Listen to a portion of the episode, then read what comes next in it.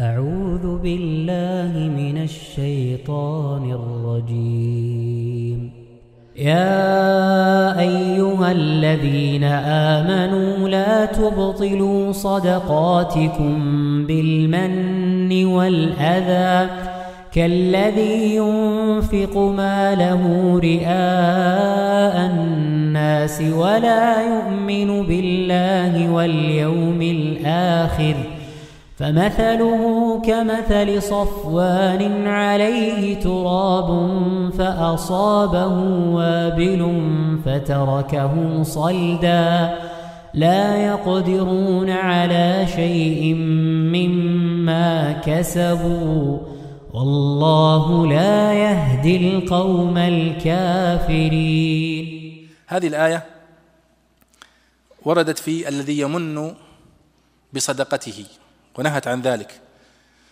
ومن أهم أحكامها أن المن والأذى يبطل الصدقة. يبطل الصدقة. ويستدل بهذا على أن الأعمال السيئة تبطل الأعمال الحسنة. ومن فوائدها أيضا الحث على تكميل الأعمال وحفظها من كل ما يفسدها لئلا يضيع العمل سدى لأن المرء قد يتصدق أو قد يعمل عملا صالحا ثم يفسده بكثرة الامتنان. ويقول والله أنا دفعت والله أنا سويت والله أنا أعطيت والله أنا فعلت. أنا فيفسد عمله ويحبطه بهذا الامتنان. والآية التي بعدها قوله تعالى يا أيها الذين آمنوا أنفقوا من طيبات ما كسبتم ومما أخرجنا لكم من الأرض. ولا تيمموا الخبيث منه تنفقون ولستم بآخذيه إلا أن تغمضوا فيه. واعلموا أن الله غني حميد. أو من فوائد هذه الآية وجوب الزكاة من النقدين وعروض التجارة كلها. وجوب الزكاة من النقدين وعروض التجارة كلها. لأنه قال من طيبات ما كسبتم وأدخل فيها الفقهاء هذا. ووجوب الزكاة في الخارج من الأرض من الحبوب والثمار والمعادن. قال ومما أخرجنا لكم من الأرض. فشملت كل هذا. ومن فوائدها أيضا أن الزكاة على من له الزرع والثمر لا على صاحب الأرض.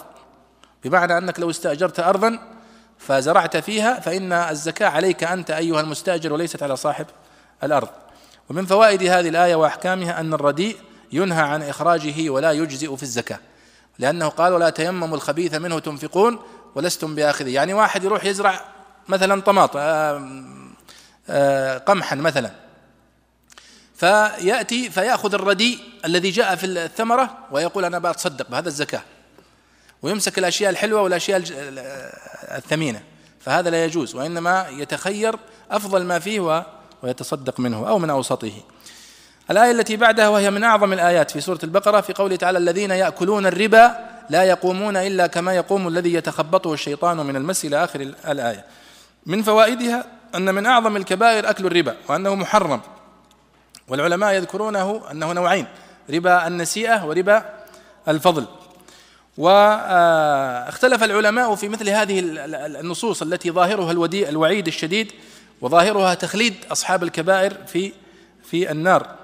والأحسن أن يقال في هذه الأمور التي رتب الله عليها الخلود في النار موجبات ومقتضيات لكن الموجب إن لم يوجد ما يمنعه ترتب عليه مقتضاه. بمعنى نقول أن الله سبحانه وتعالى قد توعد بهذا الوعيد والله سبحانه وتعالى أن هذا تحت مشيئة الله سبحانه وتعالى. ولا نحكم على أحد بأنه خالد مخلد في النار أو غير ذلك. ومن فوائد هذه الآية في قوله وأحل الله البيع وحرم الربا. وهذه الآية تكاد تكون وحيدة في القرآن الكريم التي صرح الله فيها بهذا. قال وأحل كذا وحرم كذا. فقال وأحل الله البيع وحرم الربا. هذه نادرة في القرآن الكريم. لا تجد في الآيات وأحل كذا وحرم كذا إلا مثل هذه الآية. وأحل الله البيع وحرم الربا. ولذلك قالوا هم إنما البيع مثل الربا. وش الفرق؟ قال الله الفرق وأحل الله البيع وحرم الربا. فالحكم متعلق بحكم الله سبحانه وتعالى. الآية التي بعدها فإن لم تفعلوا فأذنوا بحرب من الله ورسوله وإن تبتم فلكم رؤوس أموالكم لا تظلمون ولا تظلمون. يعني أن لم تفعلوا يعني أن لم تكفوا عن الربا والتعامل به. دلت الآية على أن أكل الربا والعمل به من الكبائر وهذا هو أعظم حكم فيها.